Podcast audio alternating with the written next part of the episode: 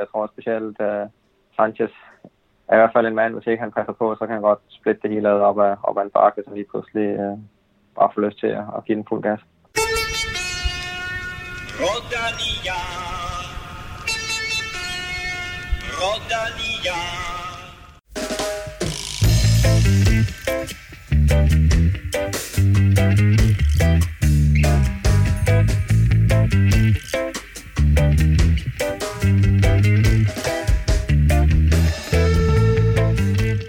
Magnus Kort fik lov til at åbne denne podcast. Ham kan du høre meget mere til lidt senere. Tour de France står for døren, og i dag der kigger vi frem mod de første etaper og gennemgår de vigtigste hold og ryttere.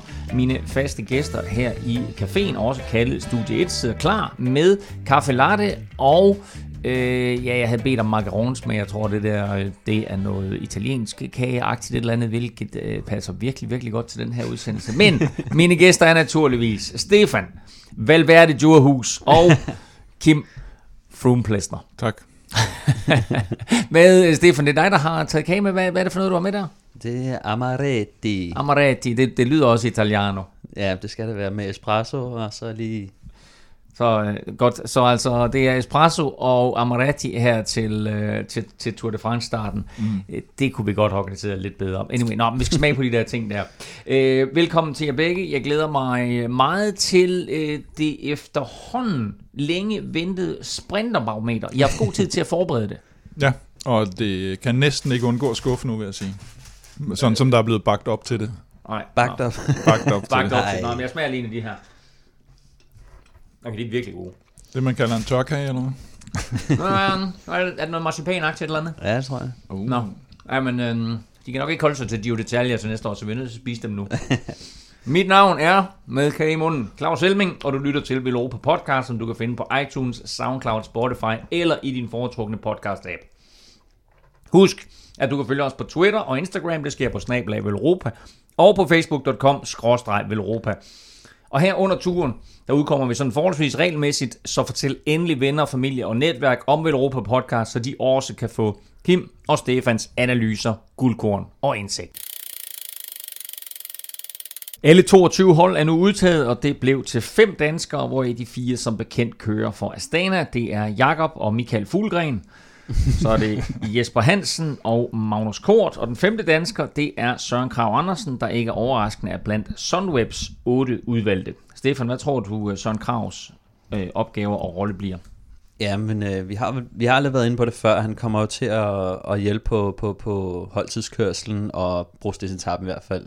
Jeg læste på deres hjemmeside i går, at de havde skrevet, at, øh, at han skulle hjælpe på de mellem til svære etapper.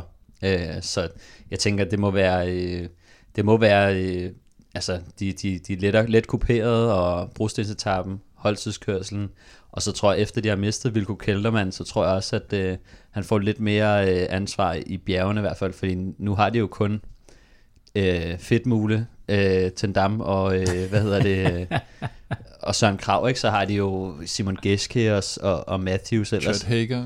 Chad Hager, men... Altså, vi, kommer, vi kommer ind på holdet lige om lidt, men altså Sunweb kører naturligvis uh, for uh, Tom Dumoulin, og uh, må betragte som et af de få hold, der har en chance for at udfordre uh, Chris Froome, og det bliver altså med uh, Søren Krav i en markant rolle, ikke mindst på, uh, på brostensetappen og i holdtidskørslen. Mm. Lad os gennemgå uh, alle holden. Uh, Kim, er der sådan en anden form for præmis, fordi ellers så bliver det hurtigt meget, meget langt det her. Ja, men det er mere, at vi laver sådan en lille tema for, for de hold, der kan laves et tema, og de andre, dem hopper vi, hopper vi lidt henover. Godt, så lad os lægge ud med, med et af de helt store hold, som øh, ikke kommer til at kæmpe med om øh, øh, den gule trøje, men trods alt kommer til at sætte sit præg på løbet, nemlig Quickstep. Ja, så dem hopper vi lidt henover.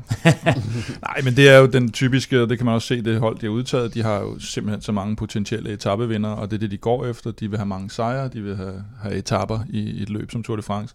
Og så har de Bob Jungels selvfølgelig, som, øh, som klassementsrytter, og han kan vel på en god dag lave en top 10, ikke? Men, men det er det. Og så turdebut til Gavidia, med en enkelt hjælper kun, Richese. Der ville vi jo gerne have haft, at han havde lidt flere hjælpere fra den side.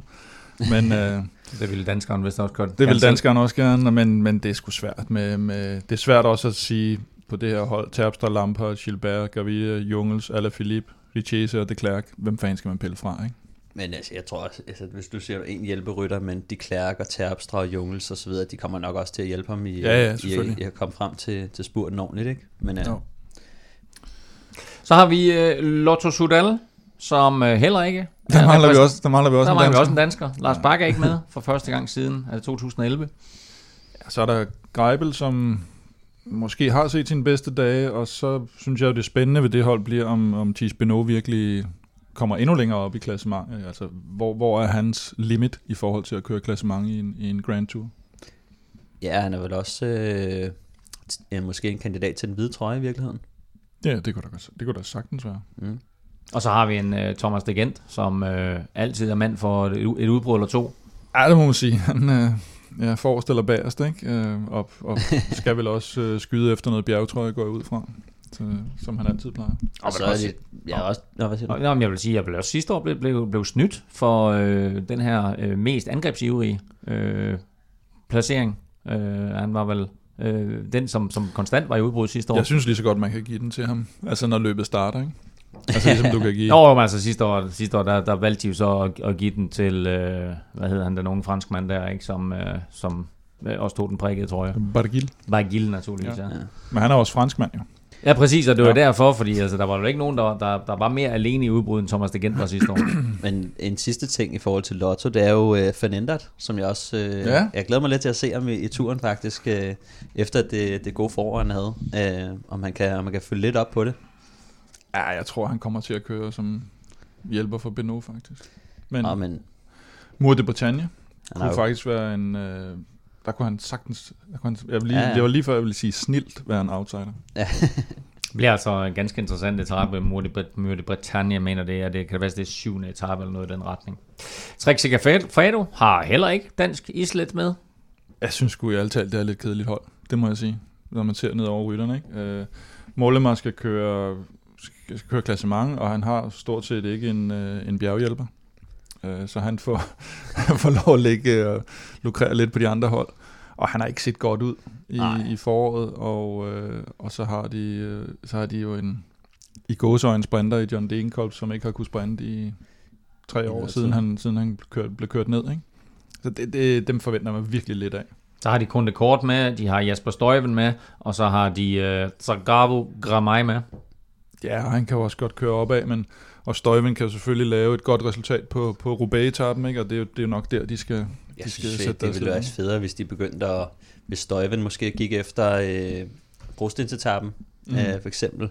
Øhm, og så synes jeg også, øh, Tom Scoins, øh, som også vandt en etape i, øh, i Kalifornien øh, her for nylig. Øh, altså, det vil være fedt at se dem i udbrud, frem for at, Ja. at, at holde sig til at køre sprint og, øh, og hvad hedder det, og, og satse på Mollema, fordi at det, det tror jeg sgu også øh, kommer til at...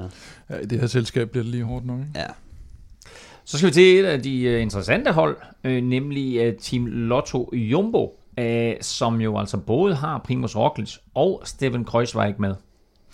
Ja, og det bliver jo interessant. Altså, vi, vi er jo nok ret enige om, at, og det har vi snakket om tidligere i udsendelsen, at, øh, at Roglic har jo gjort det mange, mange gange bedre end, end Kreuzweig, men, men han har så til gengæld prøvet at, at gennemføre rent klassementsmæssigt en, en Grand Tour, som, som, som, øh, han, som Roglic ikke har.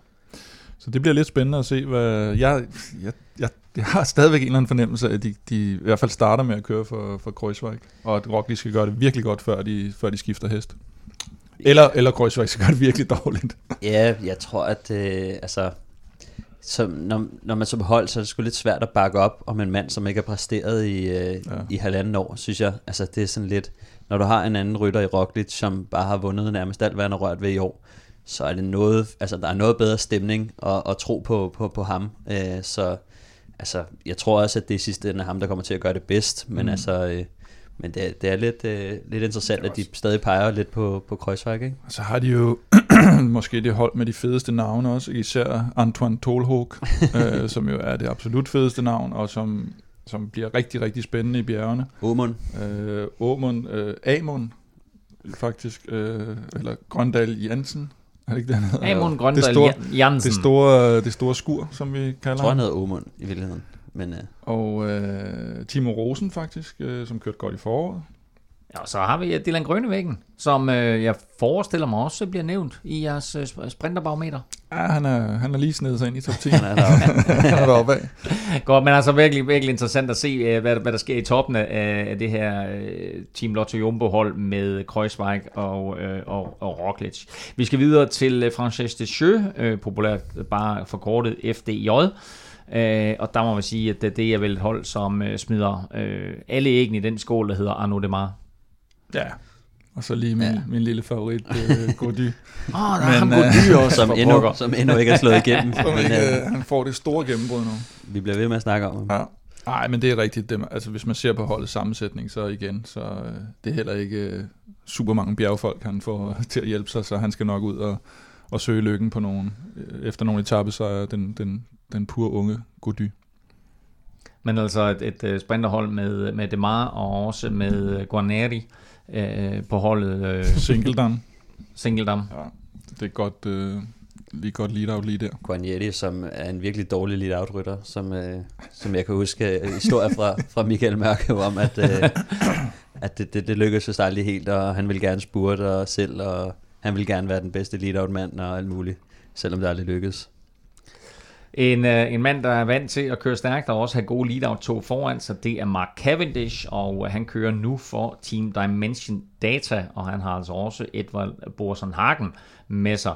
Øh, og Mark Renshaw, det her, det, øh, det, det, er, det er et godt hold og, og et godt tog for, for en Cavendish, som jo ligger med 30 sejre nu, og Eddie Merckx' rekord er 34. Øh, er der en lille chance for, at Cavendish han kan komme op og tangere i år? Kan han nappe fire sejre? Ja, der er en lille chance. Ja. vil jeg sige. Hvis man ser på hans øh, seneste resultater, er chancen jo selvfølgelig ikke stor. Men jeg vil sige, at dengang han nappede de fire senest, var det for to år siden, mm. der var der heller ikke mange, der havde, havde troet, at han skulle gøre det. Så, så med, med Cavendish skal man passe på med at udelukke, men han har været igennem meget skade og sygdomsproblemer selvfølgelig. Han havde sygdom med sidste år, ikke? Altså ja. hele vejen. Det var, var det kystsyge, han havde? Ja. Øh, og i år har han haft øh, to styrt øh, som han har styrtede ham. konstant, da han forsøgte at komme tilbage fra sin skades- eller sygdomspause Hvad, var, var det i Dubai, eller hvor var det? Det var hans første løb eller sådan noget, ikke? Han kørte, kørte ind i kommissærbilen nede i et eller andet løb, som han var ambassadør for, kan jeg huske, nede i ja. Mellemøsten. Det var heller ikke helt... Og så styrte han i, så kom han tilbage til Milano Sanremo, ja. styrtede der. Ja, ja det var, det var vanvittigt, der var han kørte ind i et ja. pillanlæg. Ja. Og så er det altså lidt, altså man har jo ikke rigtig set ham øh, flyvende endnu, øh, og så hele spørgsmålet er, om han er nået at, at ramme formen, øh, hvad hedder det, man har jo ikke rigtig set ham præstere noget i år, men uh, det kan godt være, at han er gået i, i boks, og jeg tror, han er, han er nemlig typen, der, der, der kan blive rigtig indat og, og komme ja, tilbage efter noget. Men, og nu har han jo ret stor opbakning på, på, på holdet, ikke? og vi så Borsen Hagen sidste år gjorde det rigtig godt øh, i sprinterne. Jo, og så har du, ja, fordi de styrte ud. Ja, ja. Og så har du, det er jo det gamle HTC øh, Columbia tog, han har med, med Borsen Hagen og Renshaw, som, som bare fungerer. Det har det i hvert fald gjort før. En anden stor sprinter, som heller ikke har haft et uh, specielt godt forår, det er Marcel Kittel. Han kører for uh, Katusha Alpecin nu, uh, som også har uh, Tony Martin på holdet, og uh, til bjergene en Ilnur Sakarin. Hvem skal vi ellers uh, fremhæve på det hold?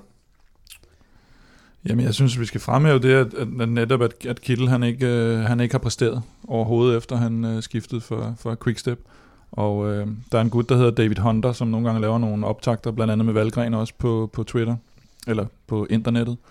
Må man godt sige internettet? Er det stadigvæk in, sjovt? In, internettet, ja. det er ikke rigtig sjovt. Men, øh, men han har haft sådan noget, der hedder Kittle Watch i løbet af foråret, altså hvor han ligesom holder øje med, fordi det gik så skidt til at starte med, og det var aldrig, det var rigt, ikke rigtig gået godt. Så, så sagde han så, da, eller skrev han, da, da holdet blev udtaget her, at, at de har ligesom let efter det optimale tog til, til Kiel, og på den måde holdet udtaget her med, med Rik Sabel og Niels Pollitt, som vel er dem, man kan snakke, så, så må han bare konstatere, at nu har de vist opgivet. ja, men altså, men altså både over, fordi, fordi man skal lige lægge mærke til, at Kittel vandt fem sejre sidste år. Ikke? Det skal vi bare ikke lige glemme. Han, han vandt fem etappesejre sidste år. Ja. Øh, og han har her i foråret lavet præcis den samme forberedelse til turen, som han gjorde sidste år, har været på højdetræning i, øh, i USA, mm-hmm. øh, har tabt en del kilo, øh, og, og ser øh, trimmet ud. Mm-hmm. Øh, altså, er han sådan en eller anden gigantisk outsider, øh, som vi ikke rigtig regner med, fordi han har haft det her dårlige forår? Ja, han er røget ned i hvad skal man kalde det, sprinterhierarkiet i hvert fald. Øh, men, men det er også, det er også frækt at kalde ham en outsider, ikke, når han har vundet fem etaper sidste år.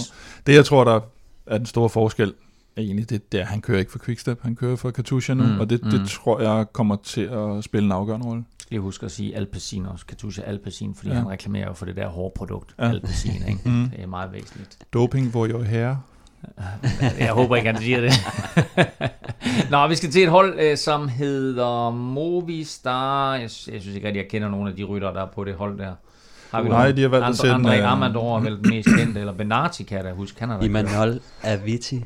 Imanol Aviti. ja. Og de har valgt at sende Og så er der Three Amigos. ja, Eller det... skal, vi, skal vi kalde det The Fab Four?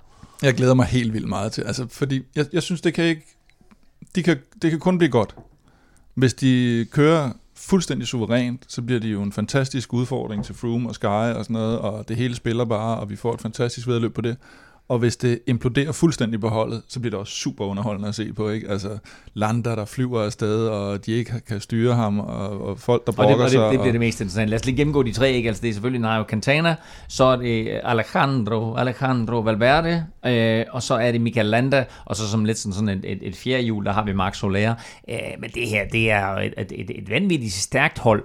Men det er også sådan et hold, som man tænker, altså det er jo, øh, altså, det, det er jo på ren katastrofekurs.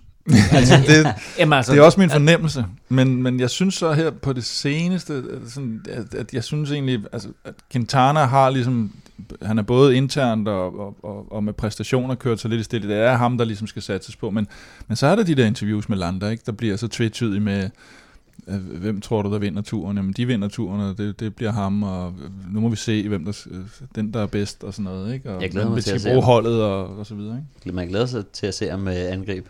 Øh, også sine egne holdkammerater. Ja, ja, og så, og så Valverde har du slet ikke hørt noget om nærmest, ikke? Og man ved også, at det, det kan også blive til hvad som Men jeg tror, altså, overordnet, så må deres taktik også være at få Amador og Max Soler til at springe det hele i luften, og ja. så sidder de med tre mand eller sende øh, dem ud, ikke? Det er jo nogle vanvittige nogen at sende ud. Jo, jo, men altså, det er jo hovedløst at sende dem ud øh, mod Skys hold, ikke? Så, men hvis de kan, hvis de kan move lidt ud i, mm. i stallen, og så, øh, og, og, så køre, så sidder og rykke på skift, så, så, så ser det noget bedre ud, ikke? Jo, og det bliver sindssygt spændende at se. Ja. Vi skal til et, øh, et hold, som øh, alle naturligvis øh, elsker at have, eller hader at elske, og øh, det er Team Sky med Christopher Froome, Geraint Thomas, Michael Kwiatkowski, Wout Poels, unge, spændende Egon Bernal, øh, Castro Viejo, Luke Rowe og øh, Gianni Moscon. Altså det her, det er på papiret et vanvittigt stærkt hold. Ja, det er... Jeg ved sgu ikke, at de har haft mange stærke hold til Tour de France, men det er lige før, det er det stærkeste, det her, ikke? Ja, ja det, det, det er deroppe i hvert fald. Jeg ved ikke, jeg ved ikke hvor man skal starte og slutte. Altså, det er... Jamen, så, så lad os starte med, med, med Egon. Ikke? Uh, Egon Banal, ja. fordi uh, han hedder Egan Banal, men altså, vi kan godt lide at kalde ham Egon her i, i, i uh, Europa podcast.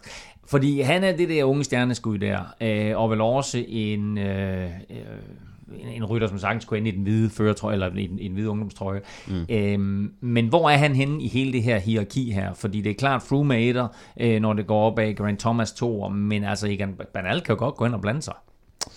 Ja, det kommer lidt an på, hvordan de, de har haft det med at, at, at køre det på den måde, at de nogle gange sparer, også nogle af bjergrytterne. Altså på en etape, så kan man sige, okay, der er det så Pols, der ligesom skal op og lave lidt, og to andre, lad os sige Thomas eller, eller Bernal. Når de så har kørt hertil, så lader de sig bare falde helt tilbage. Og så er de ligeglade med, hvor meget tid de ja, tager. så får de sådan en halv fri dag, ikke? Ja, og så er de nemlig friske til, at de kan, de kan skifte dem sådan lidt ud på, på bjergetapperne. Så er der det spørgsmål, om de vælger at holde dem inde i klassementet, altså af forskellige årsager. Froome har kørt Giroen, har været under et kæmpe pres. Hvad nu, hvis der sker noget med ham? Men det ser man relativt hurtigt. Er han i form, eller er han ikke i form? Øhm, så det kommer lidt an på, hvordan de spiller, for potentielt kan de jo lige så godt holde sig fremme. Altså både Pols, Thomas og Bernal, så de ligger med fire mand i nærmest top 10. Ikke? Mm. Og så bliver det jo for alvor voldsomt.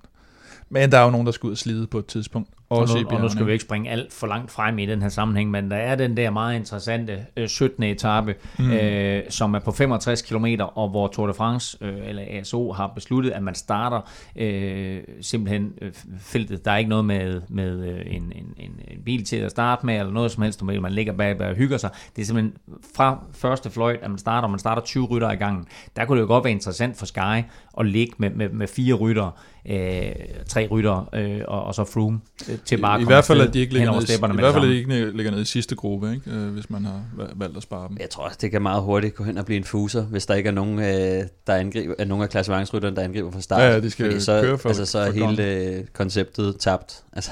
Ja.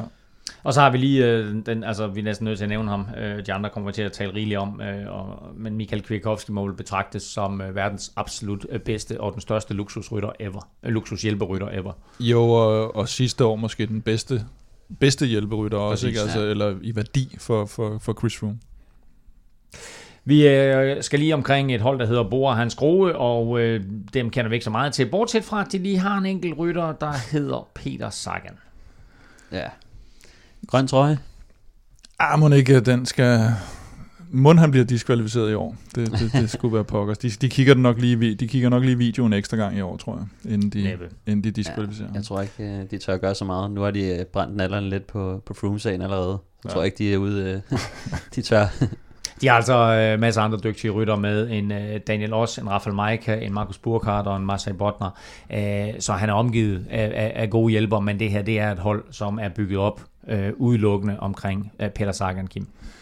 Ja, så bliver det spændende at lidt se med Mike, ikke? at han styrtede sidste år og, og har tidligere kørt top 10 i noget Giro, og, og vil selvfølgelig prøve at køre, og det er ham, de satte på i mange Bookman er ikke med, Conrad er ikke med, så, så han skal prøve, og jeg tror lidt, det starter med, at han kører klassement, og så finder han ud af, at han ikke helt kan komme i top, og så kører han måske bjergetrøje, ikke? Øh, og, og, og skal ud på nogle togter.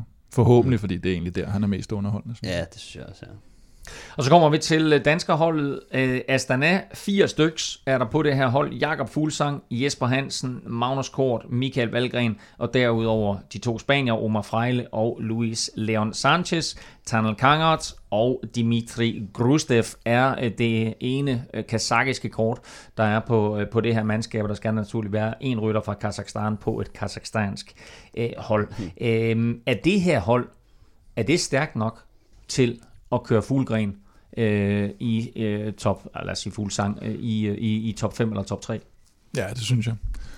Jeg synes, de har fået øh, rettet lidt ind i forhold til holdtidskørselen. Det er nogle relativt... Det ved vi jo ikke endnu, jo. Nej, nej, men det er på papiret, og det er nogle, er det nogle stærke motorer, de har med, med Luis Leon Sanchez, Kangert, faktisk også Grustev kan godt køre en, en, og en Valgren ikke mindst. Valgren selvfølgelig, øh, som vi vidste ville være med. Øh, og det, det tror jeg egentlig, at, øh, at det har været det vigtigste, fordi jeg tror ikke, jo, Jesper Hansen skal også øh, ligge i bjergene og hjælpe, hjælpe Fuglsang, men han, de, han kommer nok ikke i den gule trøje trods alt til at starte med, og det vil sige, de, de kommer ikke til at skulle ligge og, og skulle kontrollere, kontrollere noget løb, og derfor har han ikke i den grad brug for en, nogle stærke bjergrytter, som Froome har.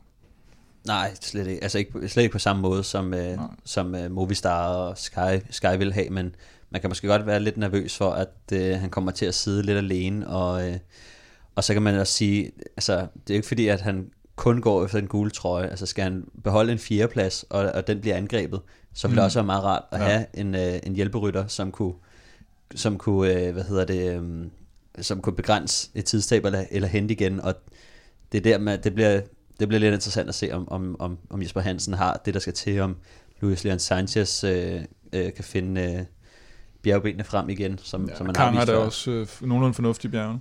Ja, jeg klart. synes bare ofte, når det er de der hvad skal man sige, lavere placeringer, man ligger og kæmper for, så er det et større felt, der ligger samlet, og der vil jeg tro, at han stadigvæk har nogle rytter. Ja, altså, når så, han ligger... han finde, så skal han finde nogle allierede, som, du ved, som han ligger i nærheden af. Ja, jeg tror måske, det, jeg synes ikke, det er så tit, når, når de ligger en til en, de der topfavoritter på det sidste bjerg, at det er der, der bliver kæmpet om, om sekundære placeringer. Det er mere sådan ude på etappen, ikke?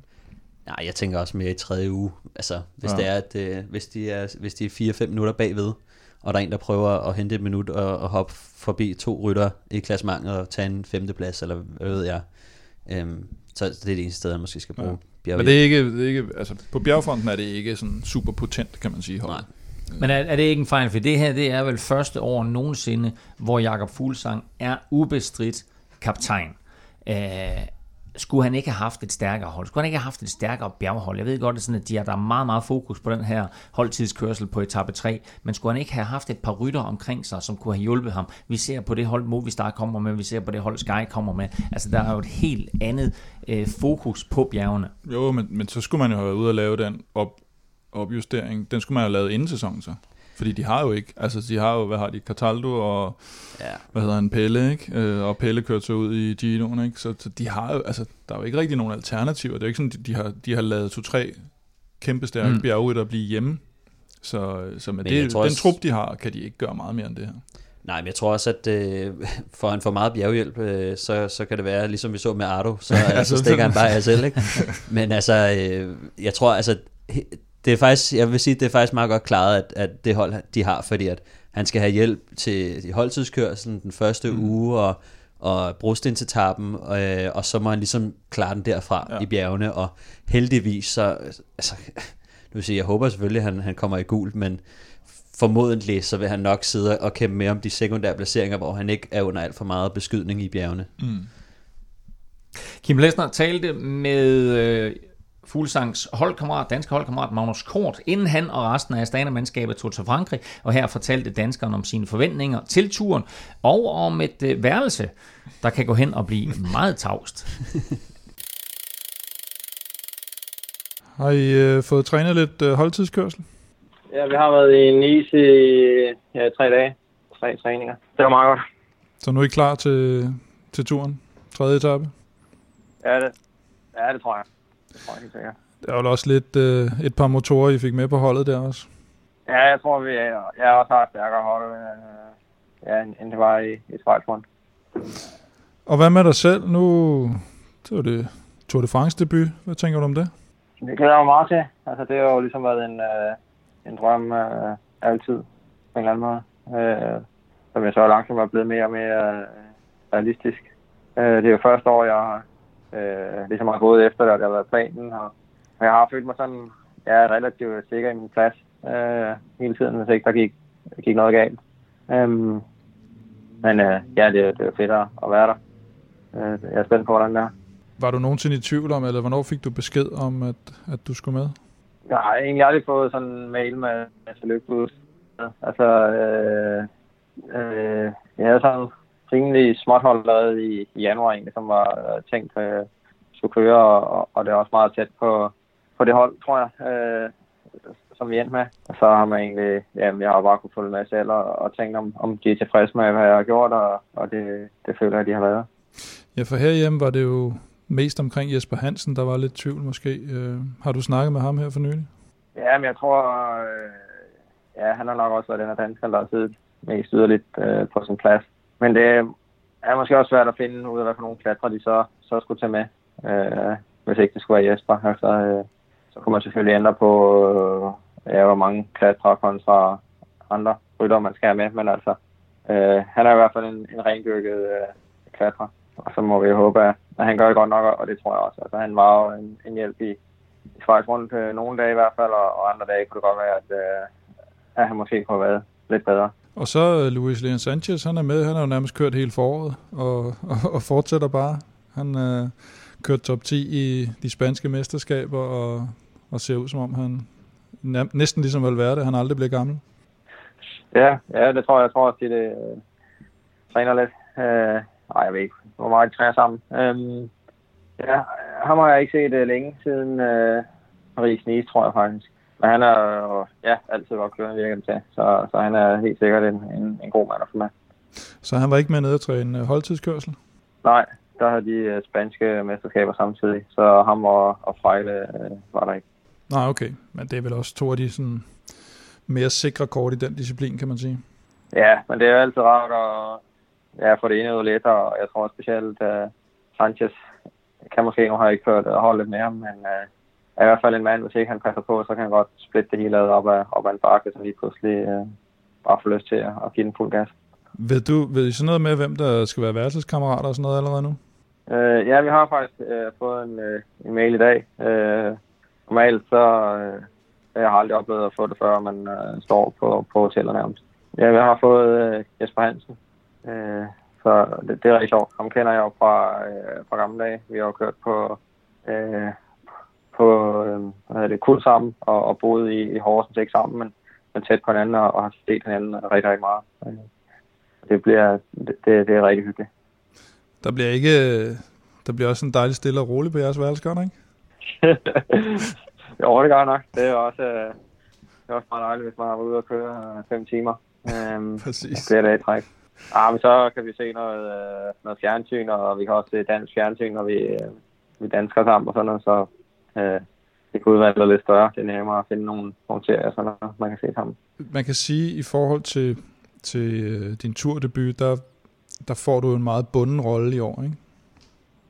Jo, altså, jamen, jeg er lidt spændt på, øh, jeg ved ikke helt, øh, hvor meget jeg får lov til øh, nogle gange selv at, at spurte. Øhm, kan sige, det er også det, jeg kan, kan gøre en største fordel, det er jo også på de etapper, jeg, jeg så vil kunne spurte. Øhm, men jeg kan selvfølgelig ikke sidde øh, og, lige sætte mig 20, meter, 20 cm ud i vinden. Øh, 200 km fra sig selv og, og spurte i finalen. Øhm, så det må jeg se lidt, hvad det bliver. Altså, jeg tror, jeg får lov øh, nogle dage, og, og andre dage, der, der giver det nok sig selv, at, at, at der er ingen anden forhindringer, og, og der skal Jakob hjælpes. Øhm, men jeg ved ikke helt, hvor, hvor den balance den ligger. Men er det sådan noget, Jakob han øh, nærmest meddeler ude på vejen, eller, eller hvordan tror du, det kommer til at foregå? Nej, altså en del af det vil være taktikken inden start. Øhm, og så er det klart, øh, lige så snart der sker et eller andet, øh, hvis der er sidevind, eller øh, ja, en punktering øh, sent på etappen, eller, eller sådan noget i den stil. Øhm, øh, så skal jeg ikke sidde og vente på, at de siger, Magnus, du skal også hjælpe. Altså, så, øh, så skal jeg være der. Og hvor ser du din, altså, din vigtigste hjælperrolle? Hvad, hvad for nogle etapper bliver det på?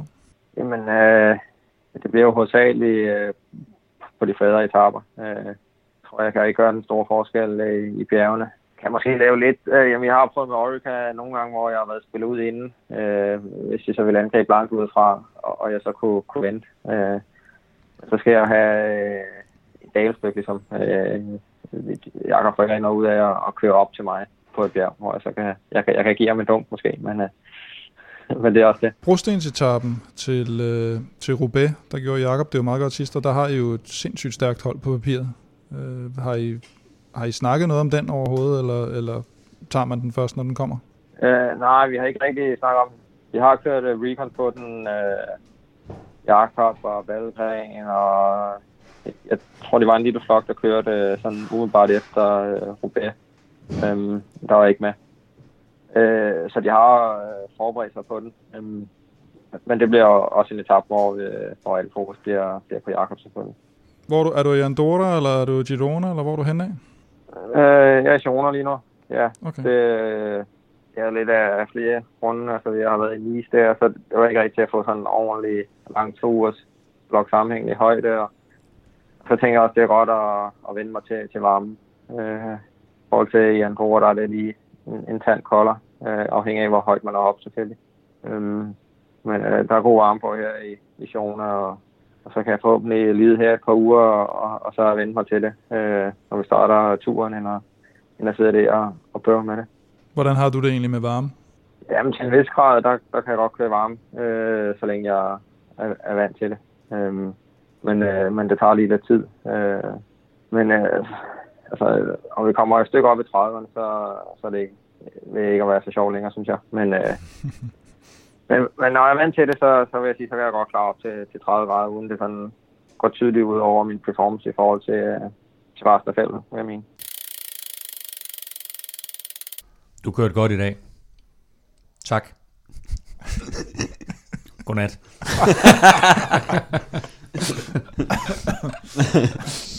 du kender dem lidt, Stefan. Der, der bliver ikke sagt meget mellem de to.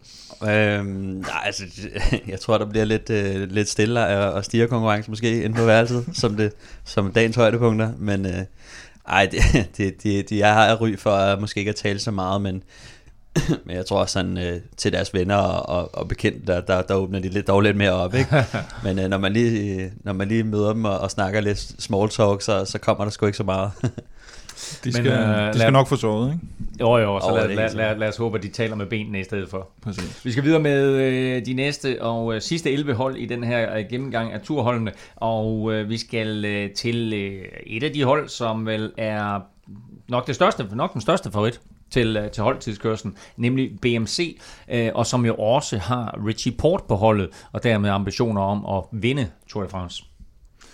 Ja, og han øh, lidt som ja, efterhånden et par sæsoner har man jo sagt, at der er ikke, der er ikke noget, der sådan taler for, at han ikke skulle komme op på podiet, men, men så sker der alligevel et eller andet. Ikke? Den gamle historie om, at så styrter han eller får uheld eller et eller andet, og, og holder han sig fri af det, så, så er han jo næsten selvskrevet til en, til en podieplads. Ikke? Men, men synes du det? Altså, for jeg, ja. min, min, altså det, sådan jeg ser Richie Port, det er, at, at han ikke holder til tre uger. Altså, der sker altid et eller andet, og enten det så er styrt, eller hvad det er, men, og så har han en eller anden off-day, og så taber han 10 minutter. Øh, jeg har ikke set ham endnu køre et, et, et tre ugers etabeløb for fuld skrue, hvor han kunne være med øh, øh, blandt de allerbedste. Nej. Hele vejen igennem. Altså, han er blevet nummer 5 i Tour de France godt nok. Ja, eller 4, eller hvad var det, det var? Ej, var det ikke Valgren, der mente, han var blevet 4? Jo. jeg har faktisk ikke tjekket, om det var 4 eller 5. 4,5. Han er blevet nummer 4,5. Ja, ja. Nej, men det viser jo, at det kan han jo godt. Han kan jo godt køre tre uger. Han kan godt køre topplacering hjem. Han skal holde sig væk fra uheld, og det er lidt det samme med Fuglsang. Fuglsang er blevet nummer 7 engang. Han har også siden nærmest haft øh, nogen, i hvert fald nogen årgang, hvor han, han nok også kunne have kørt noget bedre, men, øh, og så er der kommet uheld. Og, og det, det skal de bare lade være med. Og hvis de gør det, så ender de i toppen. Men det er jo, det er jo holdets opgave at, at forsøge at holde ham ude så, så meget som muligt. Øh, vi har også blandt andet set, hvordan Contador øh, har styrtet rundt i de, i de senere år, ikke? Mm. hvor det er sådan, det er vigtigt, at de, de beskytter ham meget, holder ham fremme hele tiden, ude af problemer. Øh, og der, der ligger en kæmpe opgave for, for BMC-holdet, som, som ved, at han er en skrøbelig fyr, men at han faktisk kan vinde turen, hvis de gør et, et ordentligt stykke arbejde. Og det er vel også derfor, en, en fyr som Simon Gerrans er er kommet med på holdet, ikke? fordi ellers ja, så kan klar. man sige, hvor, hvorfor skulle han, altså hvis du ser på ham som ryttertype ellers, ud over en vejkaptajnrolle, så, mm. så har han jo ikke rigtig nogen egenskaber, der, der gør, at han, han egentlig passer ind på det hold. Han er jo ikke sådan super stærk i holdtidskørsel, han er ikke øh, god på brosten, han er ikke god i bjergene, men han får formentlig, går jeg ud fra, og den, det grund til, at han har købt ind til holdet, er netop, at han skal, skal ligge og passe på ham. Ikke? Og det er ret vigtigt at, at have en, der, der ved præcis, øh, hvornår er det, man, man skal ligge fremme, hvornår kan man øh, tage et hvil, øh, pispause og, og alle de der ting. Altså sådan, det giver noget ro, og, og det gør, at, at, at Richie Port ikke skal være manden, der svinger takstokken, og han skal ikke tænke sig for meget om, og det, det er ret vigtigt i forhold til at præstere, at øh, minimere stressniveauet for, for de andre ryttere. De har også uh, TJ Van Garderen med, de har Damiano Caruso med, så har de naturligvis Greg van Avermaet, uh, og så uh, manden med det smukke navn, Stefan Køng. Præcis. Æh, vi skal videre til øh, AG2R, som naturligvis også øh, har øh, en af favoritterne, nemlig Roman Bardet, og derudover så stiller de altså med øh, rytter som Oliver Næsen, Alexis Villamos, Tony Gallopin og Pierre Latour øh, med flere. Øh, et, øh, et, et, et godt hold, men naturligvis omdrejningspunktet, Kim, er en af dine store favoritter, nemlig Roman Bardet. Absolut. Øh, Galopin blev jo lidt øh, såret her. Øh, brækket ribben i de franske mesterskaber, men øh, siger, det, det er fint nok. Det gør lidt ondt, men øh, jeg er motiveret for turen. Øh, så må vi se, om han om hvor meget det kommer til at betyde for ham, men, men man må gå ud fra, at han bliver pillet fra, hvis ikke det var... Og det, og det skal netop siges, at, at man må altså gerne øh, skifte ud øh, inden turen. Det her det er de otte, som, som umiddelbart er, er meldt ud. Men, ja, og Mathias... vi, vi kan risikere, at Tony Galopin øh, ikke kommer med. Ja, det lyder, det lyder som om han kommer, men altså, det, det, der var også sidste år, hvor han skulle køre brosten, og han også styrtet og kom lidt tilbage. Altså, det, det gik ikke helt som forventet. Så man må godt frygte lidt, at, at han ved det så meget, men at han så faktisk ikke bliver til den store hjælp, øh, for, fordi han så er det småskadet. Mathias Frank er kommet med i stedet for Alexander Genis. Øhm, jeg ved faktisk ikke helt hvorfor, men det er jo ikke nogen svækkelse i bjergene faktisk. Nej, nej, han kan jo godt køre op af Mathias Frank, og så har de også Sylvain Dillier med, som jo blev øh, to år i øh, Paris-Roubaix. Ja øh, efter han kørte solo sammen med øh, Peter Sagan. Øh, men altså, det bliver interessant at se. Og så øh, Alexis Villamos øh, vandt jo, øh, har vi også fået bekræftet tidligere i den her podcast. Er det blevet bekræftet? På, på Møre de Bretagne. Ja. Øhm, så og Møre de Bretagne indgår jo igen i, i årets tur, så øh, måske forventer han at, at lave en, en repeat der. Men øh, lige med Agatoire, der glæder vi os rigtig meget til at se altså det er meget stærkt og altid et hold, og øh, vi så det fantastiske angreb, øh, de, de lavede sidste år, hvor de var ved at tage røven på, på Froome og det hele, ikke? Ja. Øhm, De Jo, prøvede de i hvert er- fald, og så æbbede det ud i ingenting. det var en mega spændende Jo, etape, den ja, det der, var det. og det var fandme tæt på, at de, de fik ham, ikke? Ja. Øh, Så, og Pierre Latour er jo altså, også en Ja, fantastisk. angriber, ikke? og Ja. fighter. Og det, jeg, jeg synes simpelthen, det er et fedt hold, og jeg, jeg, og jeg glæder mig virkelig til at se dem. Og, og, og jeg synes ikke, han har haft et stærkere hold, end han har i år. Om det er nok, det må vi, det må vi se. Vi øh, skal videre, og det skal vi med et øh, hold, som hedder, for at være helt korrekt, Team EF Education First Drapack Powered. Pres- Powered by Cannondale. øh, og de har Rigoberto Uran Uran. Først og fremmest. Ja, øh, Ja, der er så er der altså rigeligt, rigeligt andre rytter, men lad os, lad os starte med ham. Øh, ja, som jeg, jeg har ikke de store forventninger til ham, og det, det må vi se. Jeg, jeg, jeg tror, han kommer til at skuffe i år, øh, og det var lidt en enig svale sidste år, men øh, nu må vi se. Ja, han fik lige en etapsejr i, øh, hvad var det, Slovenien rundt, ikke? Kroatien. Kroatien rundt. Ja. Øh, det, han Nej, så, det var sgu da Slovenien. Jeg tror, det var Slovenien, Ja, ja. det er rigtigt. Øh, han så ikke imponerende ud, synes jeg, men øh, fik alligevel fik alligevel en tabsejr der, og det er vel det eneste, han er, han er, han er sluppet ud med i år. Så øh, Men jeg Så- hørte, at de tillader, at han kører i år, både med to klinger og en gearskifter. ja, skal have en chance for, at han klarer sig godt. Han havde prøvet at se, om han kunne komme over på, på Aqua Blues Ja, ja, præcis. 3T-cykel, fordi det gik så godt sidste år. Nej. Øhm, der er to ting, man skal lægge mærke til, hvis vi ligesom skal skære lidt ind til benet, og lade være med at sidde og fjolle her. Øh, på det her hold, det er, øh, at Joe Dombrowski ikke er kommet med. Nej, nej, nej, nej, nej, hvad sker der? Det kan man jo... Der er protestindsamling i gang, ved jeg. Nej, nej, nej. Øh, og så er det Daniel Felipe Martinez, som jeg faktisk tror, øh, vi kommer til at se lidt mere fremme i, Ja. når de sidder en, hvad, 15 mand tilbage. Kolumbianer, Ja, øh, som har gjort det rigtig, rigtig godt. Jeg var lidt i tvivl, om han ville komme med, og så relativt tidligt. Han er ikke så gammel. 22. Ja. Ja. Øh, og det, jeg var lidt i tvivl, om de ville kaste ham for løverne, men, men i det, de har gjort det, så må de jo tro på ham, og, og han er et, han er stort, stort opbakning bjergtalent. til, øh, til Udan, Ja, ja, øh, han er landsmanden. øh, Ja. udover, udover Roland, som jo har det med at også gå lidt i udbrud, så, så, øh, så skal han ligge der ja. Pierre Roland, der, der tidligere har vundet på Alpe d'Huez, som også indgår øh, i årets Tour de France, men øh, ellers så er det her altså et hold, som, øh, som er bygget op omkring Rigoberto Urán, selvom Kim ikke har de helt store forventninger til ham. Øh, Bahrain Merida har naturligvis også et kæmpe navn i form af Vincenzo Nibali, men de har også Pot- Porto Vivo med, og de to Isagira-brødre, Jon og Gorka. Gorka, som vi altså nævnte tidligere, blev øh, spansk mester øh, i forrige weekend. Så har de Sonny Colbrelli med, øh, og øh, Christian Koren er med også, øh, Franco Pellizotti og Heinrich Højsler, så det her det er sådan set et, et, et rigtig stærkt hold. Ja, specielt bjerghjælper, vil jeg sige. Ikke? Der, der har han fire stykker i, i Porto Vivo og Pelli, de gamle Porto Vivo og Pellizotti, og så de to Isagia-brødre. Det, det er virkelig stærkt. Altså, det, han kan ikke få, Og han det kan ikke få bedre opbakning i bjergene, vel? Og så har de øh, øh, og Colbrelli øh, til, til brostenene. Og, og Christian hvor Koren, jo- han, han er, altså, han, bare- er, han er kæmpe skur, altså, Ja. Som, øh, som vel også er med til det flade til, til Ja. brostensetappen. Og det, her, altså, det er jo lidt interessant, fordi den her brostensetappe, vi kommer til at tale om den en lille smule lidt senere. Det er 9. etape, det er den, det er den sidste etape i, i den første tredjedel af løbet, inden, inden de går på hviledag. Men det er, det er en etape, hvor, hvor både Nibali og Fuglsang for en sags skyld jo øh, gjorde det rigtig, rigtig godt sidste år brosten med. Her der er der jo en chance for, at Nibali rent faktisk kan gå hen og vinde øh, nogle sekunder, hvis ikke minutter, på, på nogle af de andre favoritter.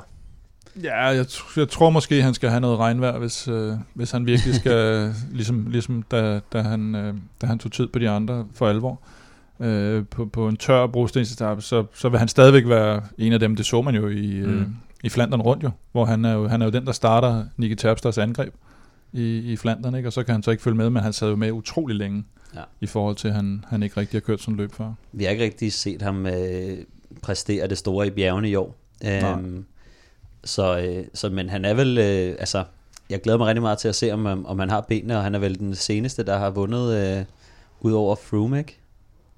Er det ikke rigtigt? Jo, det var han, fordi han vandt vel. Jo, i 14 der. Jo. Jo, Ja, det må øh, Øhm, så.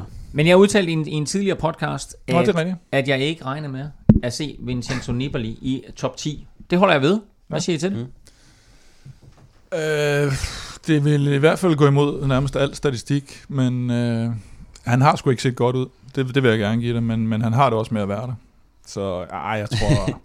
jeg, vil nok, jeg sætter ham nok øh, måske i hvert fald som en top 6 eller sådan noget. Måske. Han er utrolig erfaren, og, og nu har han satset, øh, nu har han gået all in på, på turen igen, og, og, og altså, han har, et, han har et mega stærkt hold, så, så det bliver, det bliver sjovt at se, og jeg tror også, han kommer til at være med i, i top 10, men det skulle heller ikke undre mig, at det, det blev en fuser, fordi han har jo ikke rigtig vist det store mm. ud over, selvfølgelig med Anderson Remo, og han var en lille smule med i Flandern, ikke? en lille smule med i Flandern. en lille smule med. Uh, vi skal videre, og det skal vi til uh, Team Fortuneo Samsic, som har uh, sidste års uh, vinder af den prikkede bjergetrøje, Varan Bagil, uh, med på holdet, og så i øvrigt udmærker sig ved at være det eneste hold, der har otte franskmænd på holdet, og det eneste hold, der ikke har mindst to forskellige nationaliteter. Uh, men det her, det er ikke et hold, uh, Kim, som, som på nogen måde kommer til at spille nogen rolle, og spørgsmålet er, om Bagil overhovedet kommer til at spille nogen rolle i år.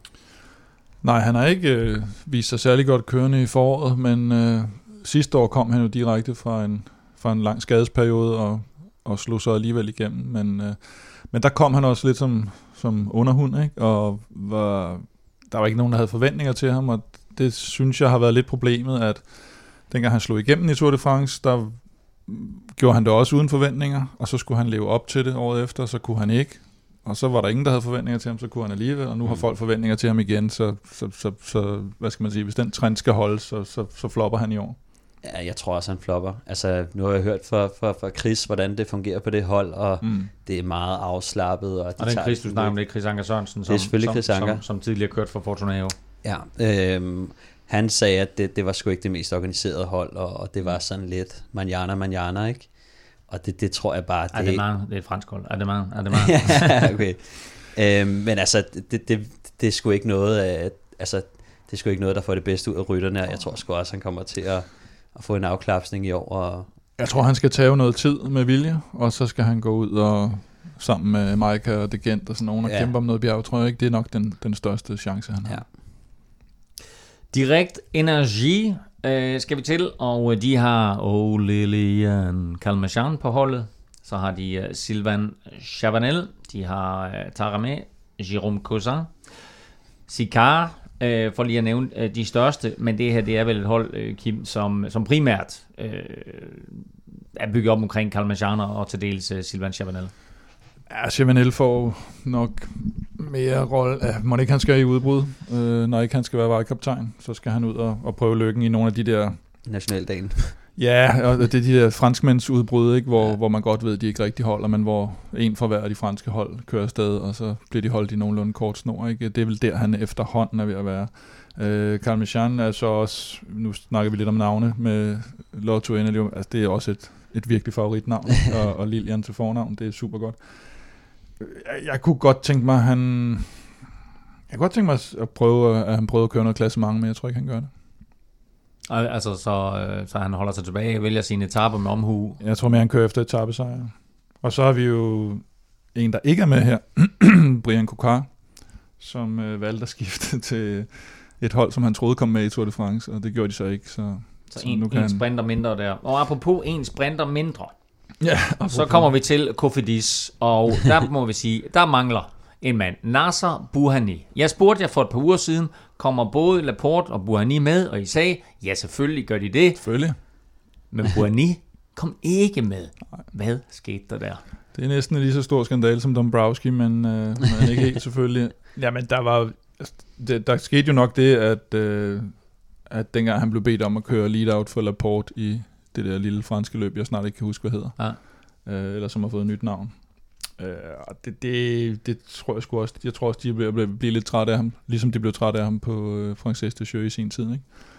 Og så, så vil de egentlig hellere have lidt, øh, lidt ro på, og Laporte har, har kørt sådan noget femtepladser i, i spurterne, ikke? og Buhani kan ikke forvente sig at køre meget mere efterhånden heller. Og så vil de hellere have en, de kan stole på, øh, og som også er en lille smule mere holdbar. Jeg tror også, det er lidt et udtryk af uh, stemningen på holdet. Altså sådan, ja. man skal da ikke glemme, at, uh, at de andre rytter har også lidt en finger med i spillet i forhold til, hvem fanden gider de egentlig at bakke op? Øh, og hvis, øh, hvis han har mistet holdet, og at de går og snakker, altså, at de har gået og brokket over ham øh, hele året, og han laver de der tricks på, øh, på Laporte, så, så tror jeg også, at det er sådan lidt, så, så tror jeg godt, at holdet kan se, at det er sgu noget rod, hvis, øh, hvis rytterne skal sidde og arbejde på ham, som de ikke kan lide, øh, og de bedre kan lide mm. Laporte, øh, så, så tror jeg, jeg, jeg, jeg kunne lidt forestille mig, at det er det, der er sket af, både holdet, men også de andre rytter er ved at være lidt trætte af ham. Mm. Og de siger jo, at det, jeg mener, de skrev i deres pres med det, så det, det de satte på, det er at kunne gøre sig gældende i alle terrænger. De har jo Navarro og, og Hedada, tidligere Movistar, øh, i, i bjergene. Og så har de jo ja, Laporte på, på spanden. De har også en øh, Simon, som er, er relativt hurtig og, og meget holdbar i de der og Cousin? reducerede gruppe. Nej, han kører så for uh, Nå, undskyld, ja. energi. Og så har de uh, hans lead-out man, det, må blive, det kan jeg simpelthen ikke udtale. Ham, der står sidst. Elming, franskmand. Anthony Turchi. Turchi? Turchi, kalder det? oui. Uh, vi skal videre til uh, endnu et wildcard-hold, nemlig uh, Vanti Group Gobert, uh, og dem har jeg vidderligt indtil klogt at sige om, så den lægger jeg helt over til dig, Kim. altså, de har meldt ud, at uh, Timothy Dupont, uh, rutineret belgier, han uh, kan køre top 5 i uh, massespurterne.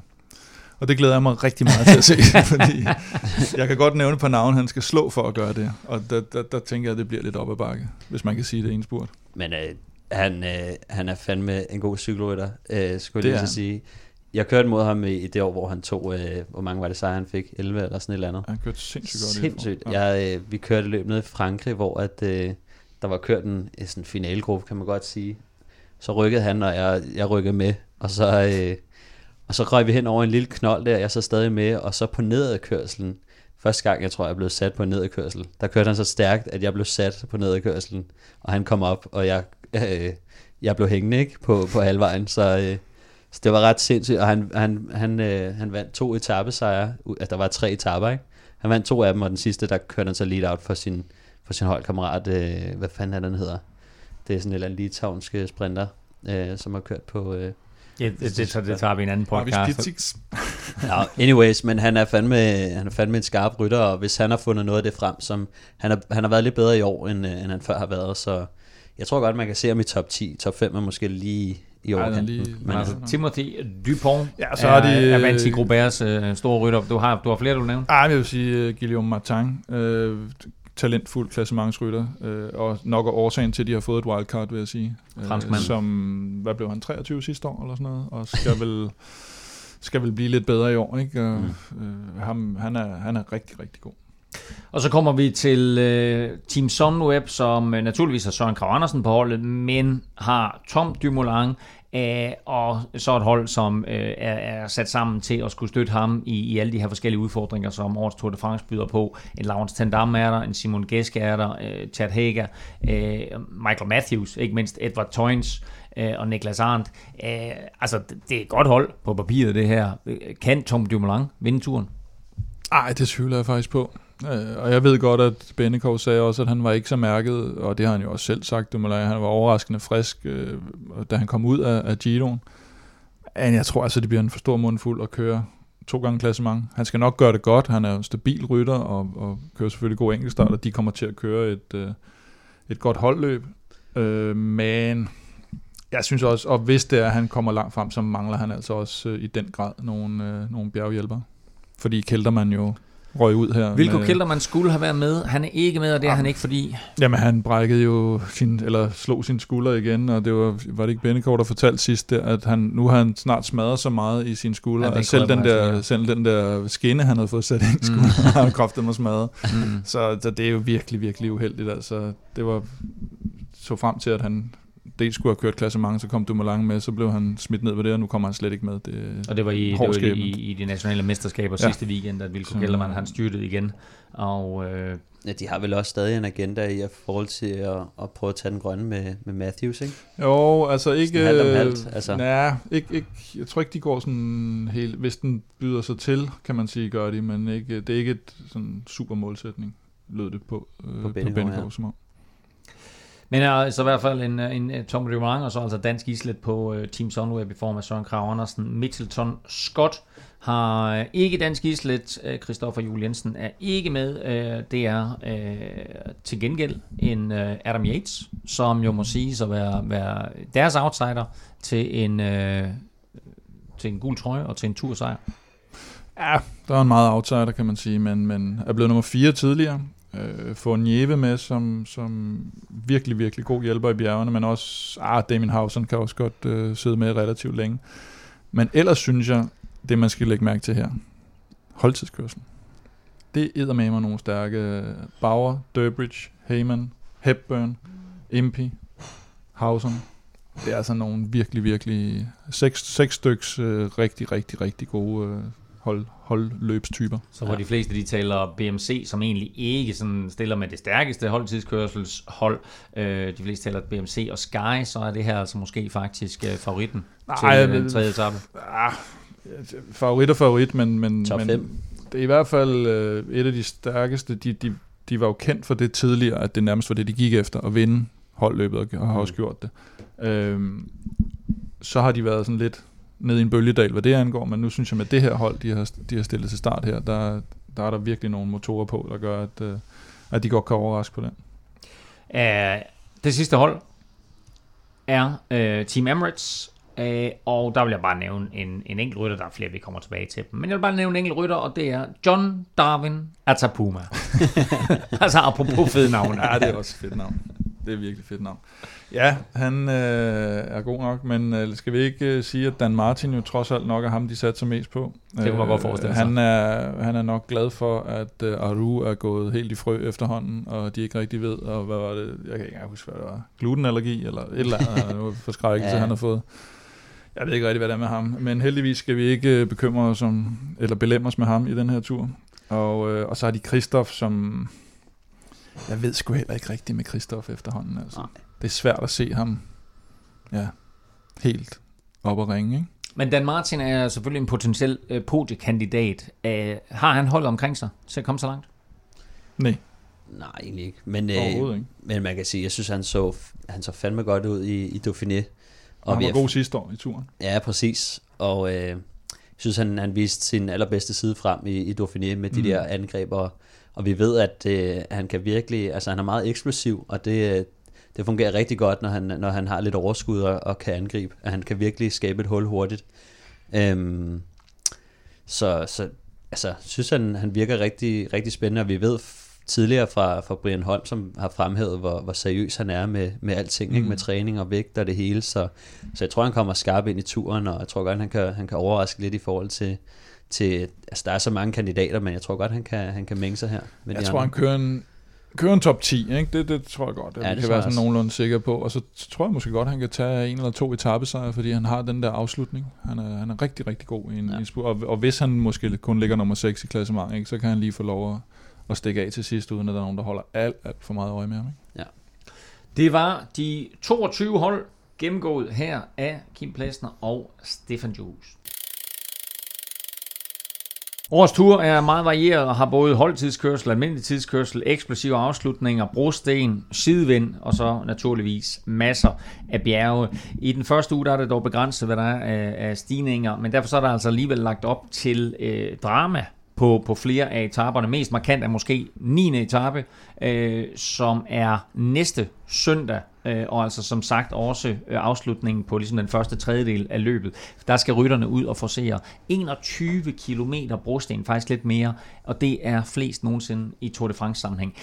Den vender vi tilbage til i næste uge. Nu kigger vi lige på de første tre etaper. Første etape er på lidt over 200 km, på lørdag selvfølgelig, går fra Noirmoutier en Lille til Fontenay-le-Comte, flad som pandekage, lige med et lille bump til sidst.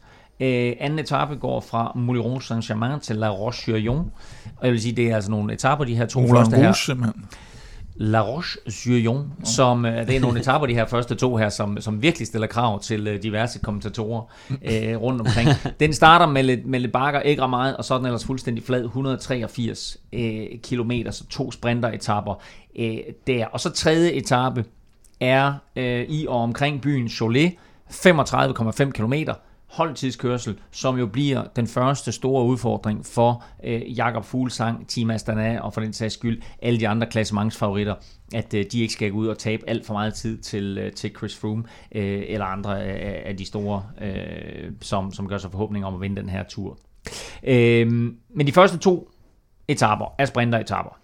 Og det bringer os endelig til det efterhånden legendariske, savnomspundne sprinterbarometer.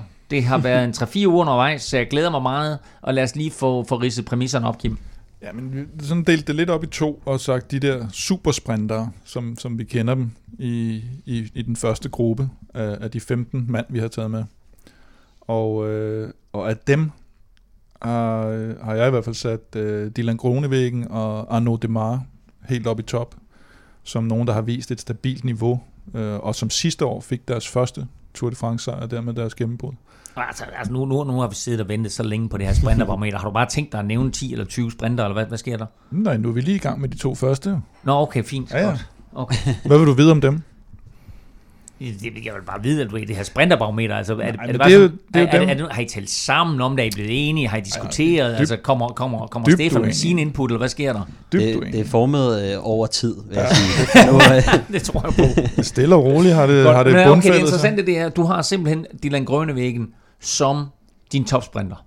Ja, Grøne, Kronevæggen og, og Demar, som, som, som topper af, af, af det, vi kalder supersprinter, som er dem i, i de helt flade øh, massespurter, altså hvor, hvor hele feltet kommer hjem. Øh, og der har du også typer som Greibel, Cavendish og Kittel, som så er ligger nævnt- så er nævnt fem nu. Er du, er du enig indtil videre, Stefan, i det her? Altså, er, er, det, er det Grønnevæggen og Demar, som er 1 og 2, øh, og så kommer Greibel, Cavendish og Kittel sådan, øh, som 3, 4, 5, eller, eller er det sådan et virvar, er det et mismatch af de her fem her, eller hvordan ser du det? Jamen, jeg ser det mere som, altså personligt så tror jeg rigtig meget på, på Kronevæggen, og det er også derfor, at vi har ham som etter, ikke? Altså han har mm. vundet etaper i, i alle de etabeløb, han har kørt i år.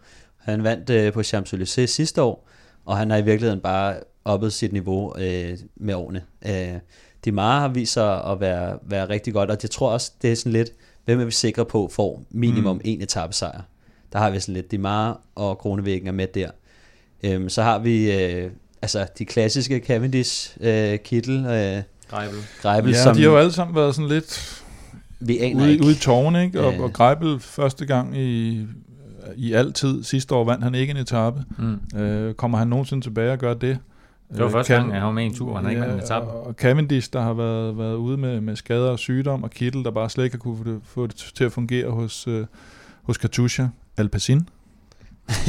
øhm, så, så, så de ligger længere ned, og så, og så har vi jo også en Alexander Kristoff, som vi ikke rigtig har kunne placere, fordi hvad, hvad, er han efterhånden? Og, og som, Ja. som Stefan sagde... Men ham har du sekser, og, og, og hvis, Ja, jeg kigger, hvis jeg kigger ned over din liste her, så, så kommer Gaviria 7 og Sagan 8. Ja, men det altså, fordi, jeg, så- vil, jeg, vil derfor, altså, jeg vil da have Gaviria højere op. Altså, ja. Ja, men det, det, Det mest vindende hold indtil videre, Quickstep, har valgt Gaviria frem for, for Viviani. De har valgt at, at, at, at smide hans to med, sådan som Mørko ikke kommer med. Altså skal Gaviria, skal han ikke blande sig? Jo, men det, er, det vi har valgt her, det er jo at sætte Gaviria, Sagan, Matthews og Colbrelli som de mere holdbare sprinter. Altså en Sagan er jo også... Sagan har jo aldrig vundet en decideret massespurt i Tour de France. Han har vundet den grønne trøje rigtig mange gange, fordi han, han vinder nogle øh, reducerede spurter, eller delvis reducerede spurter, han går i udbrud og så videre. Det samme med Matthews, han vinder heller ikke en, han vinder heller ikke en, en, en lige spurt med, med, med typer som Demar og, og Cavendish. Altså derfor så er de sådan lidt i en anden øh, kategori. Og der er Gaviria nok faktisk, eller Gaviria og Sagan, de ligger sgu meget og kæmper, sådan, så slår den ene den anden, ikke? Men jeg vil sige, du, nu siger du, det, at han ikke har vundet en, en regulær sprint. Det har han jo som sådan, men jeg tror, vi har mere... Altså, jeg vil også sætte Sagan og, og Gaviria over øh, Kittel, Cavendish øh, ja. ja. og Greibel, men, men øh, jeg tror også, altså, det er mere sådan der, hvis det er en teknisk finale, eller kommer noget sidevind og sådan noget, mm. så, så ved vi, at så, så er de der helt sikkert øh, ja, foran været- Kittel og, og de andre, på, som, som nogle gange knoller lidt i den. Øhm, og, og nogle af dem kan måske endda næsten sidde med på, altså Matthews på Mur de Bretagne, ikke? Ja, Altså, lige hvor, hvor, hvor længe kan han sidde med der, ikke? Så det er nogle lidt andre typer, vi har med at gøre der. Ikke? Og det er det, jeg synes, at Christoph, han, han ligger sådan et eller andet ingenmandsland imellem dem efterhånden. Også lidt holdbar nogle gange, ikke? Og forårsklassiker. Men måske i virkeligheden bedst på brostensetappen i år. Ja. Det, kan, det kan være det er der, han har den, den allerstørste chance. Og så har vi sådan den, den, den, sidste, den sidste klump af, af sprinter, øh, som er sådan nogle... Ja, de er jo sådan set alle sammen rimelig holdbare også, men, men også i sådan et slags outsiderfelt, og, og hvornår får de lov, og hvornår kan de, og der har vi en, en Laporte selvfølgelig, som jo også, han kan jo sagtens også få en femteplads på en etape, men i sådan hierarkiet ligger han jo nok ikke helt op i top 10. Øh, Degenkolb, som jo tidligere var helt klart en sådan top 5 sprinter, mm. men som bare ikke har præsteret. Øh, Magnus Kort, de dage han får lov, og de dage, hvor etappen passer til ham, ligger han også øh, øverst, men, men, men i en, en decideret massespurt, der, der, så skal vi nok heller ikke regne med at, at se ham sådan helt fremme. Og så har vi Thomas øh, Buddha. Ja. Tom, som, Thomas øh, Buddha. Thomas Buddha. Buddha. Buddha Buddha bare. Jamen, øh, som jo egentlig er, er lidt med i stedet for Brian Kokar hos, øh, hos Direct Energi. Og så vores kære øh, Timothy Dupont, ja. som jo kører top 5. Men han skal så slå alle de andre, vi har nævnt stort set, for at, at ende op i den der top 5, og det, det bliver mm. sgu lidt svært, ikke? Ja, ja øh, altså, jeg tror også, det er sådan lidt, øh, vi kan ikke undgå at have Kittel og, og Greibel og, og Cavendish med på den her liste, fordi at, mm. jeg tror i hvert fald minimum en af dem, måske to af dem, kommer til at være der, og kommer nok til at vinde en etape øh, før eller siden. Øh, så det, det er lidt svært at undgå med så mange etappesejre, de har, de har haft i, i, gennem tiden, men jeg tror også, at vi begynder at se lidt den, den nye generation komme lidt frem her i uh, Gavidia, Kronevæggen uh, og så mm. videre. Uh, og ja, det er lidt derfor, at vi, vi lidt har, har rystet lidt rundt i det. Ikke? Mm. Og der er jo masser af etapper at tage kan man sige. Der er jo mange potentielle sprinteretapper med sådan en lille smule forskellige. Og med mindre et eller andet fuldstændig vanvittigt sker, for eksempel noget sidevind på øh, første etape og anden etape, så er det de her 15 her, som formodentlig kommer til at køre i gult til at starte med. En af de her ryttere kommer i gult øh, på første etape. Øh, der er godt nok indlagt bonussekunder, øh, og jeg mener faktisk på mere eller mindre alle etaper i år undervejs. Øh, 3-2-1 bonussekunder undervejs, og så selvfølgelig også bonussekunder øh, for at nå i mål. Øh, og i og med, at der er 10 bonussekunder for at vinde første etape, så er de der indlagte bonussekunder undervejs, så er de lidt ligegyldige på første etape. Ham, der vinder første etape, er også den rytter, der kommer i gult øh, efter første etape. Så lad os få et hurtigt bud på, hvem ender i gult efter første etape. 200 km fra Noirmoutier-en-Lille til Fontenelle-Grund. Så, øh, Ude på den franske vestkyst. Så skal man jo have en, der sidder med, selvom der kommer sidevind, ikke? Jo, man skal, skal jeg være lige... fræk så at sige Gaviria? helt ned under. Du var lige undervurderet. Ja, præcis. Øh, jamen, det må du gerne. Øh, jeg, jeg tror på Kronevæggen. Jeg, jeg synes virkelig, at han, han ser godt ud, og han er, han er måske den, der har taget sin, sin opgave som sprinter mest seriøst over de senere år, synes jeg, mm. og har udviklet sig i, i et godt tempo. Er hollænder, han er vant til sidevind. Øh, I Holland er der sgu altid sidevind. Så, øh, så jeg tror, jeg tror han er, er den bedste sprinter, og, og, og har ikke nogen, altså, viser ikke svaghedstegn i, i sidevind. Mm. Godt, så, så hvad sagde du, Kim? Jamen, jeg siger, så lad mig sige Gaviria. Gaviria ja. og Grunevæggen, og så siger jeg Kittel øh, til at tage øh, den første gule trøje. Med alle sprinterne på plads, så kan du godt glæde dig til lørdag. Og vil du gøre turen endnu sjovere, så kan du stadig nå at tilmelde dig. Turpix. Gå ind på pix.dk, det er picks.dk og tilmeld dig Turpix nu. Du kan invitere dine venner, lave ligaer og kæmpe med om øh, fede præmier. Og så kan du også tilmelde dig Velropas helt egen liga og kæmpe mod egen, øh, andre Velropæere. Den hedder Velropa Pix. Øh, I er begge to tilmeldt. Er I, klar? Er, I klar? er I klar på at spille Pix? Første gang nogensinde, at vi skal spille Tour Pix. Er I klar på at spille Pix under hele turen? Ja, for fanden. ja. Så skal du bare huske, selv huske at, at lave det, ligesom du, du, du glemte at lave holdet sidst. Jamen, det gik jo godt. Der var jeg, der var jeg virkelig skarp. Bare lade være med at sætte dem inden hver etape. Så. Præcis. Man kan, sætte, man kan sætte for flere etaper i gangen, så altså man kan øh, sætte for de første tre etaper her øh, til at starte med. Øh, så øh, gå ind og tilmeld dig Turpix på kan man vinde en hat? Kan man ja, vinde lad os vinde en hat. Okay, vi sætter en hat, Ikke på, vi sætter en hat på højkant i Velropa-gruppen. Der er andre fede præmier, blandt andet fra øh, Philips øh, og Dansk Spil øh, i øh, Pix på, øh, eller Turpix på pix.dk. Anden kollektion af Velropas cykeltøj er på hylderne i Velropa Caféen, og du kan også få fat i en af de lækre trøjer i webshoppen. Gå ind og find dem på velropa.dk, ligesom vi selvfølgelig har de øh, meget populære øh, t-shirts Eros Poli, øh, portugisiske Escartin og øh, Criquillon t-shirts. Hvor er Criquillon fra? Criquillon han er francais. Belgier. Belgien. Satan! Ej, det vidste jeg faktisk godt. Det vidste jeg godt. Ah. Øhm, men altså, uanset om de er øh, franskmænd, italienere, spanier, øh, eller måske endda britter, så øh, kommer vi nu til øh, vores helt store forudsigelse omkring øh, årets tur. Vi har fire trøjer, der skal uddeles. Den gule, den prikkede, den grønne og den hvide. Øh, og vi gør det sådan lidt, så øh, vi simpelthen sætter det her ind i vores øh, konkurrenceformat. Øh, jeg tror, hvad er det, der står? Jeg har tre sejre. Har du to, Kim? Mm. Så det står 3-2-1, er det ikke korrekt? Du har kun vundet en enkelt, er det ikke rigtigt, Nå, øh, det kan måske Stefan? godt passe. Ja, 3-2-1 står der i øjeblikket. Og øh, for det Så jeg fik ikke noget for at, at gætte Amalie der til DM? fik du også den. Nå, men det skal jeg bare høre. Nej, men altså, det, jeg tror ikke, der var Stefan jo ikke med. Ikke? Der var Stefan var ikke med der. Han, Ah, okay. han, Han, det er også sådan en bud. Ja. Ja. Altså, Ja. ja. må du holde op. Altså, Ja, ja, vel sag. men Ja.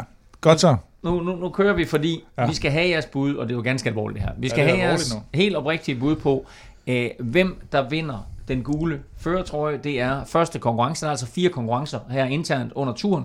Kim, hvem vinder den gule førertrøje? Roman Bardet. Roman Bardet? Stefan? Jamen, jeg gider ikke pjat rundt længere med jer to, når jeg ligger bag os, så nu bliver det seriøst. Jeg tager, øh, jeg tager Richie Port. Jamen, okay, så I forærer mig Chris Froome. Jamen, så er jeg nødt til at tage Chris Froome. Det er du Ja. da ikke nødt til. Jo, jeg er nødt til at tage Chris Du kan da tage Sakarin. Ja, Sagan. Ja, det kunne. Sakarin. Nej, men det, det var dejligt. Så altså, øh, vi havde bud, der hed øh, Roman Bardet, Ja. Richie Port og Chris Froome. Det var den gule. Så skal vi til den prikkede. Hvem vinder den prikkede bjergtrøje? Er der nogen, der skriver det ned i stedet, for ellers så har vi det jo ikke. Jamen, jeg kan da bare skrive det op her. Jeg tror, vi bare kan gå ind og lytte det, hvis der er. Fint. Godt. Nå, Prikket? Prikker. prikker. Må jeg starte igen, eller hvad? Det må du. Ja, det er jo næsten Ja, det skal gå på Ej, okay, tur. ej, okay. Den Den går på tur. Den går Ja, på det tur. skal gå på tur. Ja. Jamen, jeg siger uh, Kreuzweig.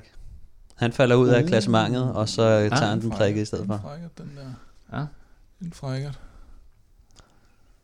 Er du, så er det dig, ikke? Ej, du får lov. Han sidder stadigvæk og googler. jeg tager Ja. Maika. Nej, nej, nej, nej, det var min. Så Jamen, har jeg så- ikke nogen jo. Så skal du jo starte, jo. Så må du jo lægge ud, jo. Nå, øh, okay, så du tog Rafael Maika. Den var fræk, den der. Den havde jeg altså ikke lige set komme. Øhm, Sagde du ikke, det var din, så havde du set den komme. jamen, jeg havde ikke set den komme, at du ligesom Nå. tog Rafael Maika. Jeg tænkte, det var min outsider. Rafael. Øh, nå, jamen, ved du hvad, så går jeg faktisk i, øh, så går jeg i Schelleberg. en anden retning. Der, nej, øh, fordi det var egentlig sjovt, da du sagde Kreuzberg, der sad jeg faktisk og tænkte Roglic. Øh, så øh, jeg går med... Åh, jeg kan også tage Pierre Roland. Det kunne også være frækt. Øhm, jeg tager Roglic til den prikkede. Øh, vi, skal til, vi skal til den grønne. Øhm, Så kan du starte. Ja, den starter så får jeg lov til at starte. Ja, ja. Kan vide, hvem du tager der? Jamen altså, han, han, den. han har givet mig to sejre før, så jeg er nødt til, jeg er nødt til at, at, at, tage Peter Sagan. Den er billig, den der. Ja, den er billig.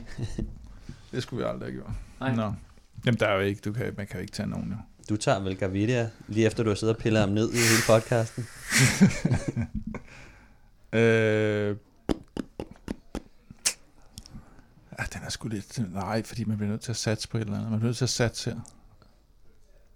Cavendish. Okay. Det er virkelig Ja. et sats. Ja, Ja. ja. Ja. Sindssygt. Jamen, jeg siger, jeg siger Kronevæggen. Jeg tror, han er den, øh, den bedste sprinter i år. Kommer til at være mest øh, konsekvent deroppe. Men det hjælper ikke noget. Sådan. Jamen det er, det er Men det, Det bliver jo Sagan jo. godt. Nå, Og så har vi øh, den hvide. Jamen, det har jeg slet ingen idé om. Kim. Det har jeg ikke gjort mit hjemmearbejde Nej, der skulle du nok lige have brugt lidt mere forberedelsestid. Hvem er der? Jamen det er altså, du, du er nødt til at komme, at du skal ikke sidde og sige, at det er sådan, jeg sidder og googler bjergetrøjer, og så aner du ikke om, hvem der, er- hvem der er de unge. øh, Nå. Jamen Stefan, så går turen videre til dig. øhm, men jeg stjæler den, som Kim er ved at google frem Ja. til, og siger øh, Tisbeno. Uh, den er også, det den er fræk. Så, ikke. så tager jeg Egon. Ej, men så er der ikke nogen tilbage jo. Ja, du, Du kan tage La- Latour. Ja, Latour. Pierre Roland. Ja, Roland, han. Gody. Ej, Big så kom surprise. den, mand. Så kom den. så kom, så kom Gody. Så sidder Øh. han og jeg sidder bare og lurer jer i søvn, ikke? Så, øh, så der har vi den altså. Øh, Thies Benoit, Egan Bernal og, øh, hvad hedder han til fornavn? David. David Gody. Ikke en uh, Velropa podcast uden en quiz. Kim, du sidder og ryster lidt på hovedet over. Hvad er det? Ej, men jeg synes bare, at øh, jeg kom faktisk til at tænke på Guillaume Martin der til ungdomstrøjen, men øh, Nå, nu men går vi med... Skal du have Godin. flere bud nu? Ja, eller nej, ind i... okay. øh, han, er, næ- han er nævnt i hvert fald, men du nævnt. Han Nå, vi, vi, skal til, øh, vi, skal, vi skal til quizzen. Øhm, og det er sådan lidt en sjov øh, quiz, som man også lige Nå. kan sidde og... Øh, og, og, og, Ja, og, til forskel fra det, de andre. det, er, det er en quiz, som I reelt ikke har den helt store chance for at svare på, men jeg giver nogle, øh, jeg giver nogle valgmuligheder lige om lidt. Øh, men først der får I lov til at komme med et, et, øh, et skud fra hoften omkring, hvad I tror. Øh, der er 22 hold i årets Tour de France. Der er 21 etapper. Der er 176 ryttere. Hvor mange flasker bruger turholdene til sammen? Et fuldstændig vildt skud for hoften. Hvor mange flasker bruger turholdene til sammen, cirka, øh, hen over de her 21 etapper? Mm. Og hvis man tager hviledagene med, så 23 dage alt i alt. Uh, ja. Kim regner ud. 176 rytter gange 21, hvad er det?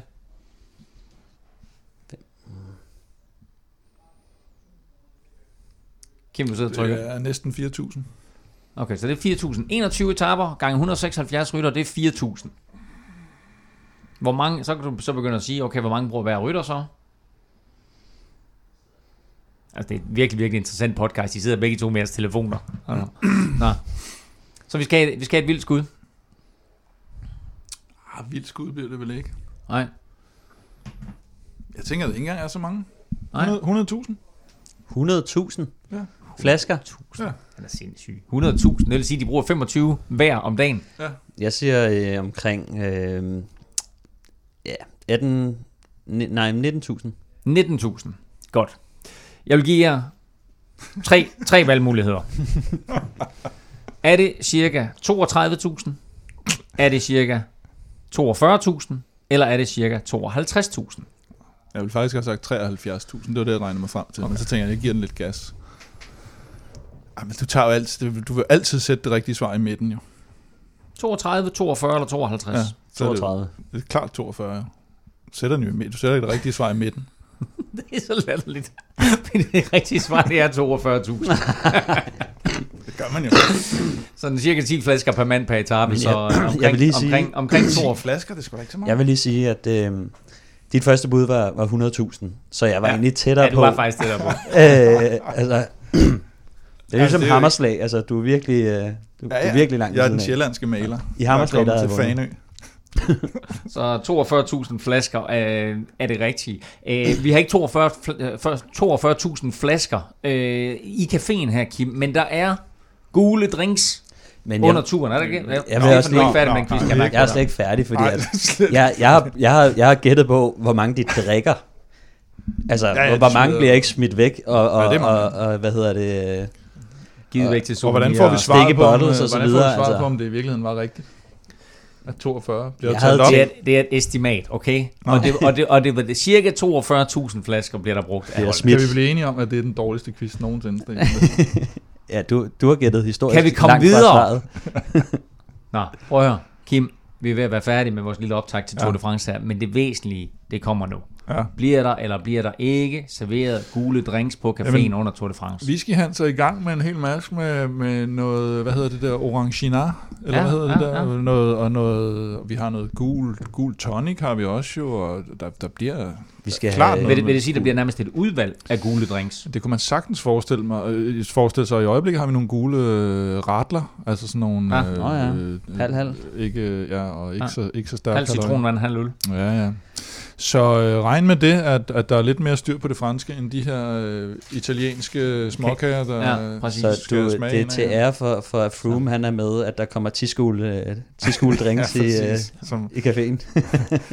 vi, vi opfordrer hermed til, at nej, det gør vi ikke. Kim, øh, du er ikke til stede i de første par etapper af Tour de France, fordi der er du nede øh, til La Marmotte. Jeg er du nede og kører, kører La Marmotte, ja. Ja, ja, du, du kører La Marmotte. Ja, du kører den i bil, gør du. Øhm, fordi det, det, Så har skal du det, køre det, har du fået planlagt så smart, ikke? Du, du arrangerer en tur, og så er folk... Øh, hvor mange har du med nede? Mm. Jeg sidder lige og spiser mas- Ja, det er mascarpone, eller hvad var det? Ja, jeg kan ikke huske, hvad det var. Hvad hed de? Amaretti? Amaretti. Vi har omkring en øh, 20 stykker, 20 stykker Ja. med nede og køre La Marmotte. Og blandt du andet fra for- Fremad Amager. Du, nå, okay. Du står for organisationen og, og sørger for at køre lidt rundt og sørger for at være øh, depotmand og så videre og uddele ja, ja. op mod 42.000 flasker. Skal Altid slå, manden på gulvet, ja. Skal I slå på hamburger? Skal hamburger med? Jeg har hørt, han har, han har hyret uh, Cecchini til at, Nå, til at komme ja. i topform. Den gamle eller sønnen? At, jeg tror, det er den gamle. Okay, jeg tror, det er den gamle. Men uh, lad mig op, som er det her uh, legendariske uh, motionsløb ja. ned omkring uh, Alpe d'Huez uh, og Bourg d'Oisson. Uh, det bliver altså kørt samme weekend, som turen starter, så derfor så er Kim altså ikke til stede på caféen. Men ellers, og for den sags skyld i weekenden, så kan du altså komme ned og se samtlige etaper af Tour de France på Villeuropa Café på Frederiksberg, så kig endelig forbi. Der er øh, masser af gule drinks. Øh, og hvis du ikke allerede har gjort det, så smut også gerne ind og stik os en anmeldelse i din podcast-app. Gå ind og giv os øh, meget, meget gerne fem stjerner på iTunes. Det betyder virkelig virkelig meget for os, og er med til, at øh, den her algoritme, som de har inde hos æblemenneskerne, at øh, den øh, får os smidt lidt højere op i systemet, og på den måde, så kan vi øh, holde skruen i vandet og komme ud til endnu flere med Velropa podcast. Du kan følge Kim øh, på Twitter. Det sker på Snablag Veloropa. Du kan også følge øh, Kim og øh, Caféen og podcasten for en sags skyld på Instagram. Det sker på Snablag Veloropa. Stefan finder du på Snablag. Stefan Djurhus og undertegnet finder du både på Instagram og på Twitter på Snablag NFL Ming. Tak til Kim, tak til Stefan, tak for nu, tak fordi du lyttede med. Kom så fuldsang. thank you